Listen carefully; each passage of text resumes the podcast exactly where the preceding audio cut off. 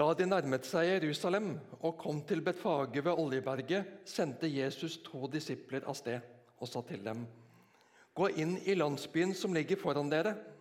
Der skal dere straks finne et esel som står bundet og har en fole hos seg. Løs dem og lei dem hit til meg. Om noen kommer med spørsmål, skal dere svare, Herren har bruk for dem. Da skal han straks sende dem med dere. Dette skjedde for at det ordet skulle oppfylles som er talt gjennom profeten. Si til datter Sion, se, din konge kommer til deg. Ydmyk er han og rir på et esel og på trekkdyrets fole. Disiplene gikk av sted og gjorde som Jesus hadde sagt, og hentet eselet og folen.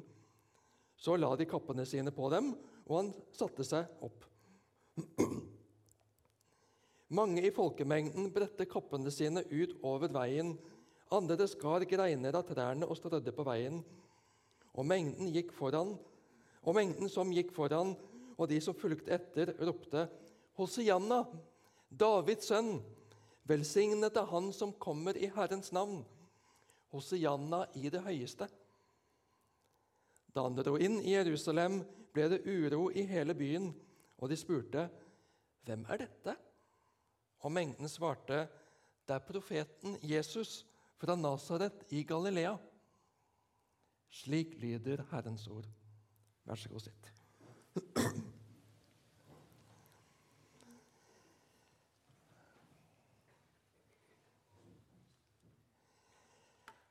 Har du det som meg, at du blir litt forvirra når det kommer en påsketekst første søndag i advent? Det stemmer liksom ikke helt. Men så gjør de jo det. Det er mine forventninger som ikke stemmer helt. Jeg er klar for julestemning og julekos, men Jesus vil noe mer. I går så hadde vi julemessa her i Misjonshuset. Det har vi allerede hørt resultatet av. Mye folk, mye liv, god stemning.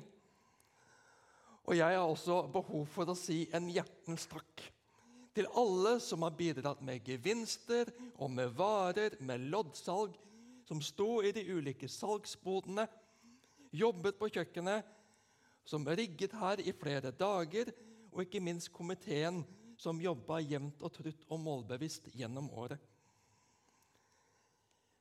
Takk til alle som handla, alle som kjøpte lodd. Takk for den flotte dagen som det blei, og det flotte beløpet som vi sammen fikk samlet inn til Misjonssambandets ulike bistandsprosjekter rundt om i verden.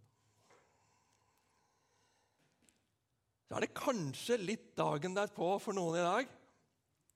Det er lov å være sliten. Det er helt naturlig å være sliten. Samtidig så er det søndag. Det er Guds sønns dag, helligdagen vi har fått for å koble av fra andre gjøremål og ha rikelig med tid til å koble på Gud, vår Far, Jesus, vår Frelser og Bror, og Den hellige ånd. Og la Den hellige ånd få tale til oss, virke i oss gjennom ordet, gjennom sangen, bønnene, nattverden og fellesskapet. Håper at du sitter i bønn om at akkurat det må få skje iblant oss osv. i gudstjenesten. Og så er det ikke fritt for at tankene mine går ett år tilbake i tid, nemlig søndag etter julemessa. Da hadde vi voksendåp i Misjonshuset. Og Jeg sto her på scenen og var ganske sterkt berørt. Og det skal ikke mer til enn å snakke om det, så kommer det opp i meg igjen. Og salen, dere, var preget og sterkt berørt av det som skjedde. For det er godt å oppleve at nye kommer til også voksne, kommer til tro på Jesus som sin Herre og Frelser og vil, vil overgi seg til ham. Bli født på ny i dåpens vann og ånd. Om tre uker så skal vi få oppleve det store under igjen. Da er det ei lita jente som skal bli døpt, som skal bæres fram til Gud, til Jesus, i dåpen. Vi har hørt prekenteksten for første søndag i advent. Vi har hørt søndagens lesetekster som fyller ut og peker i samme retning. Jeg har prøvd å lage tre punkter i talen min i dag. Tre deloverskrifter ut ifra progresjonen i teksten.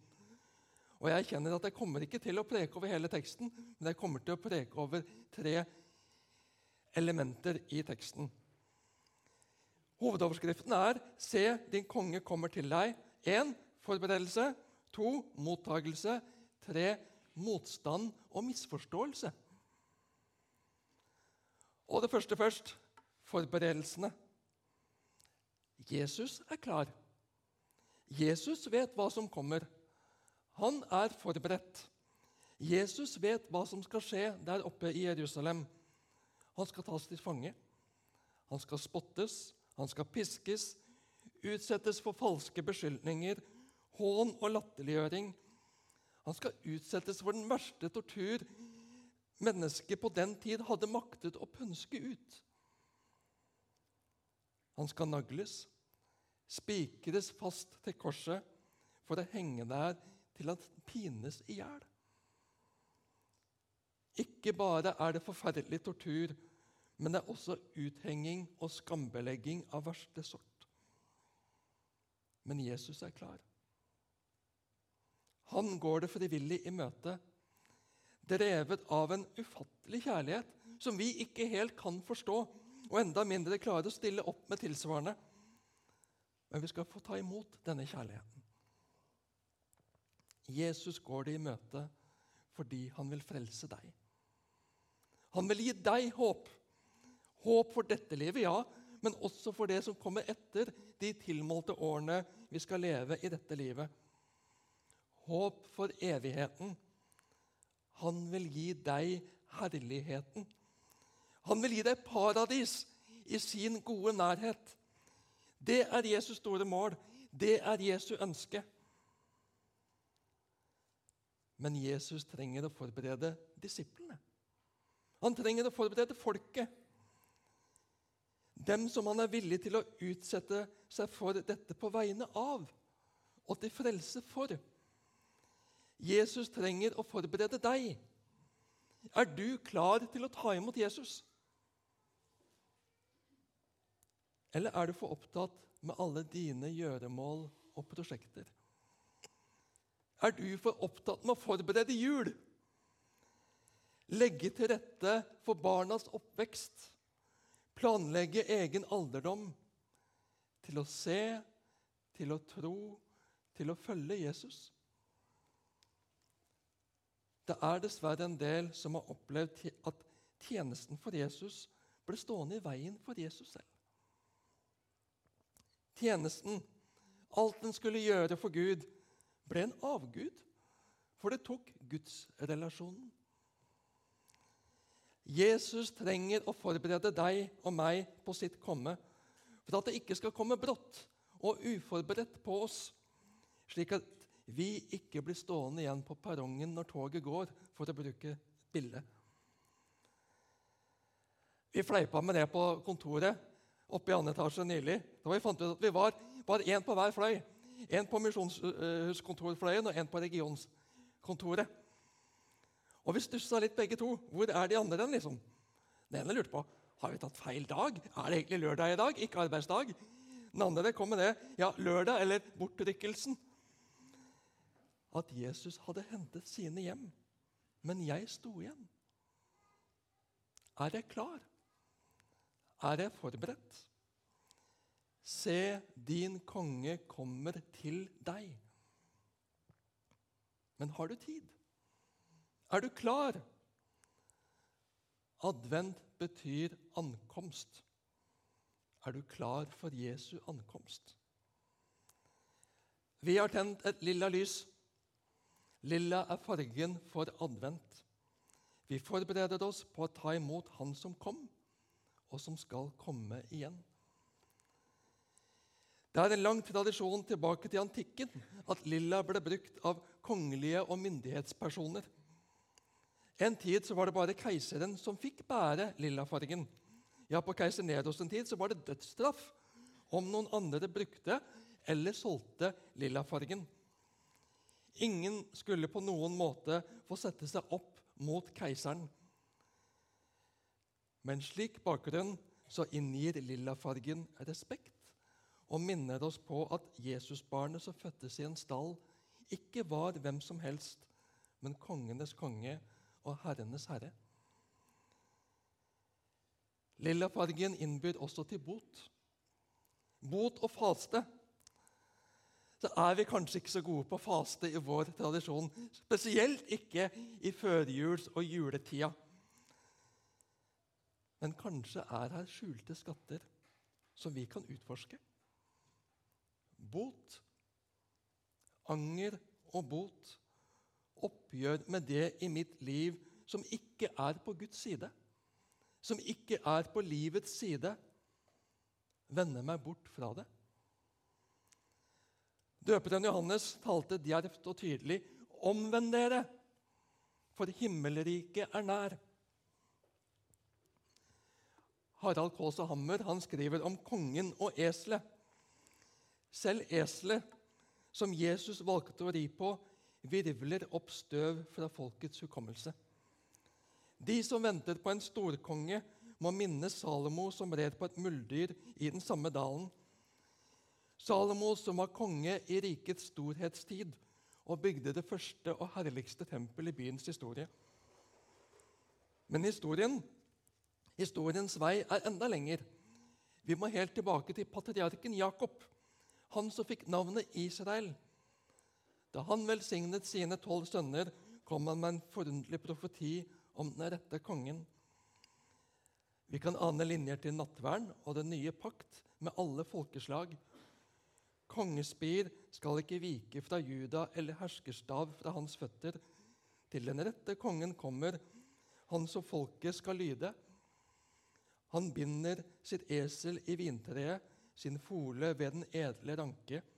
Han vasker sin kledning i vin, sin kjortel i drueblod. En gang så ble en profet stanset av eselet sitt. Biliam sto under press av kongen, Moabs konge, så ville han til å forbanne jødefolket. Men Herren forpliktet ham til å velsigne folket i stedet. På palmesøndag bringer eselet kongenes konge fram til målet. Eselet er en påminnelse om Guds sørgeklage over sitt folk. En okse kjenner sin eier, et esel sin herres krybbe. Men Israel kjenner ikke. Folket mitt forstår ikke. Vi skal om noen uker synge 'Men okse der og asen sto' og så sin Gud og Herre god. Halleluja, halleluja. Og Da er vi over i del to. Mottagelse. Si til datter Sion, se din konge kommer til deg. Ydmyk er han og rir på et esel og på trekkdyrets fole. Mange i folkemengden bredte kappene sine ut over veien. Andre skar greiner av trærne og strødde på veien. Og mengden som gikk foran, og de som fulgte etter, ropte Hosianna, Davids sønn, velsignet er han som kommer i Herrens navn, Hosianna i det høyeste. Her dreier det seg om to profetier. Den ene står i Jesaja 62, 11. Originalen lød Si til Sions datter, se, frelsen din kommer. Den andre står i Zakaria 9,9 og sier noe som ligner. Bryt ut i jubel, datter Sion. Rop av glede, datter Jerusalem. Se, din konge kommer til deg. Matteus bygger begge ordene sammen til én profeti slik det var vanlig med datidens sitatskikk, og gjengi teksten i forkortet form. Mange de kunne jo Gamletestamentet bortimot utenat. Et kjernepunkt i Zakaria 9,9 er fortsettelsen. Der forhåndsvarsles og for, fortolkes ridedyret.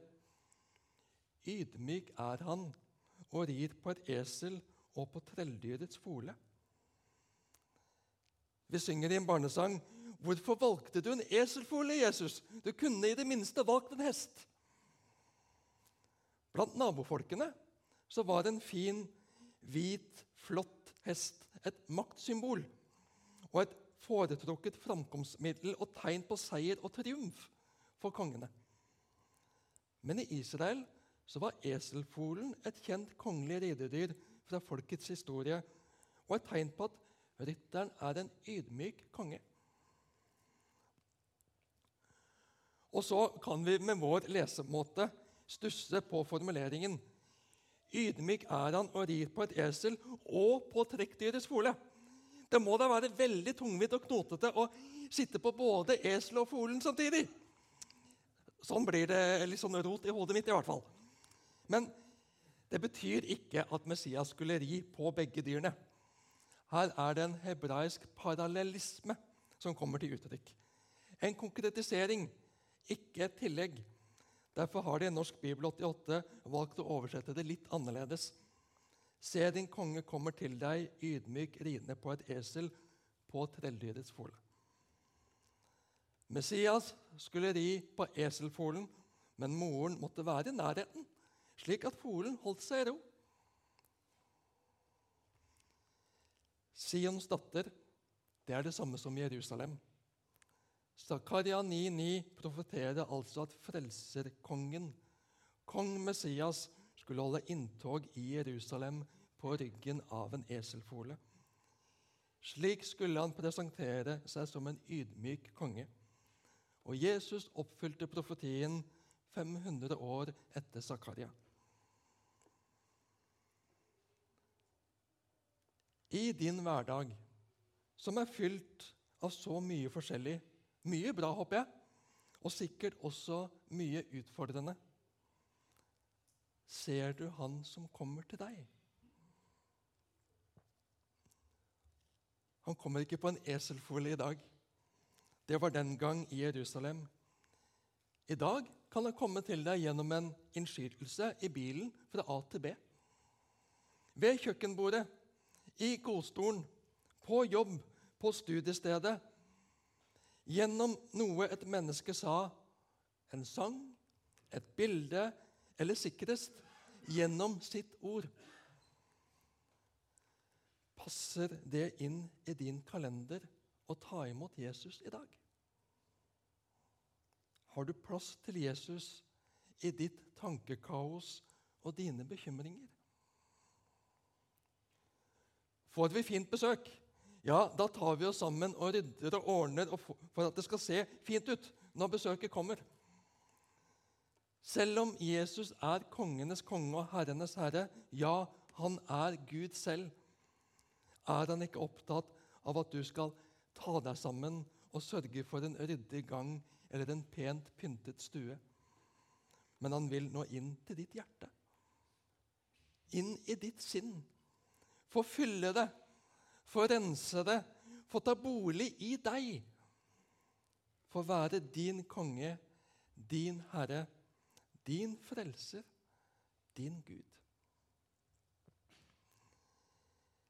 Jeg tror at de aller fleste som er her og, meg, og som hører meg nå, er bekjennende kristne. Du har navn av å være kristen. Det er en del av din identitet. Du tar det nesten for gitt. I dag så vil jeg utfordre oss alle sammen til å feie til side vanesløret. Stanse opp og se kongen som kommer til deg og meg. Og som ber om å få komme inn og få fylle deg på ny. Kanskje har ulike ting tatt større plass enn de fortjener. Jesus, jeg vil at du skal få den plassen. Du skal være min konge. Du skal være min Herre. Du skal være min Gud. Jesus, kom inn. Jesus, kom inn. Kom inn i mitt hjerte, Jesus. Kom inn og vær, vær alltid nær. Kom inn i mitt hjerte, Jesus. Lærte og sang jeg som barn. Se din konge som kommer til deg. Så er det tredje punkt motstand og misforståelse. Så hører det også med til bildet som tegnes for oss i Bibelen i dag, at det ble både uro, motstand og misforståelser Da han dro inn i Jerusalem, ble det uro i hele byen, og de spurte, 'Hvem er dette?' Og mengden svarte, 'Det er profeten Jesus fra Nasaret i Galilea.' Til tross for profetier og forberedelser så var det ikke alle som var våkne og forberedt. Det passet kanskje ikke inn i deres forventninger, og for noen så ble det truende. Ikke minst for dem som var mer opptatt av egen posisjon enn å bøye seg for Guds vilje. Jorden og det som fyller den, hører Herren til. Verden og de som bor der, er hans, hørte vi fra Salme 24 i leseteksten. Vi fristes stadig til å gjøre våre omgivelser til vår arena, som vi skal beherske, benytte og beholde. Det stemmer ikke med Guds ord, Guds vilje og Guds virkelighet. Og Folkemengden de hadde på en måte respekt for Jesus. De ville i hvert fall være åpne og tolerante. På spørsmålet 'Hvem er dette?' svarte mengden. Det er profeten Jesus fra Nasaret i Galilea. Profet. Det er jo en hedersbetegnelse. Profeten det er en man lytter til, viser respekt og ser opp til. Profeten er tross alt Guds sendebud og talerør. Men i møte med Jesus så er det en enorm degradering. Jesus er ikke bare en profet. Jesus er Guds sønn. Jesus er Gud selv. Hvem sier du at Jesus er? Hvem får Jesus være for deg i ditt liv? Får han være din konge? Får han være din herre? Får han være din Gud? I den andre leseteksten så hørte vi Dessuten vet dere hvilken tid det er nå. Timen er kommet da dere må våkne opp av søvnen for frelsen er oss nærmere nå enn da vi kom til tro. Natten er snart slutt, og dagen er nær. La oss derfor legge bort mørkets gjerninger og kle oss i lysets rustning.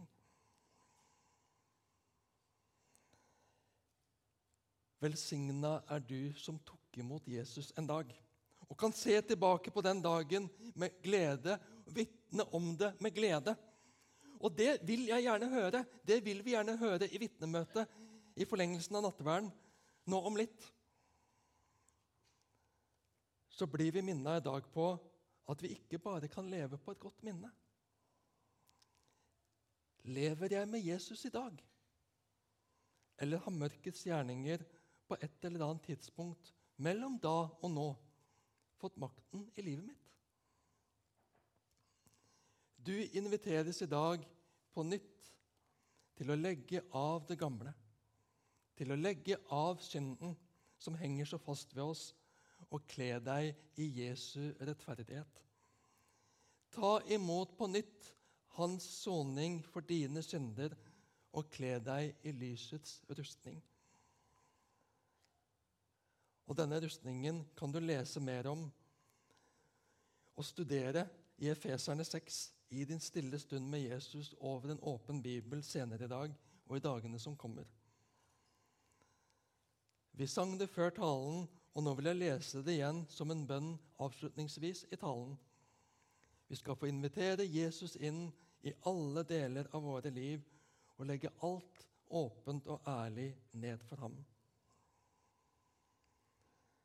Alt for Jesu fot jeg legger, alt hva her jeg kaller mitt.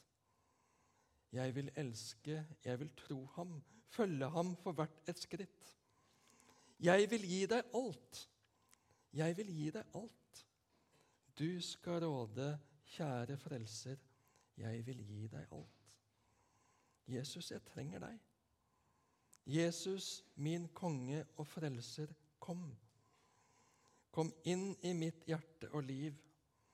Jeg er din, du er min. Takk for det, Jesus. Hos deg er jeg trygg. Hos deg er jeg klar. I deg er jeg på vei hjem til far, som står med åpne armer og venter på å ta imot oss. Takk. Amen.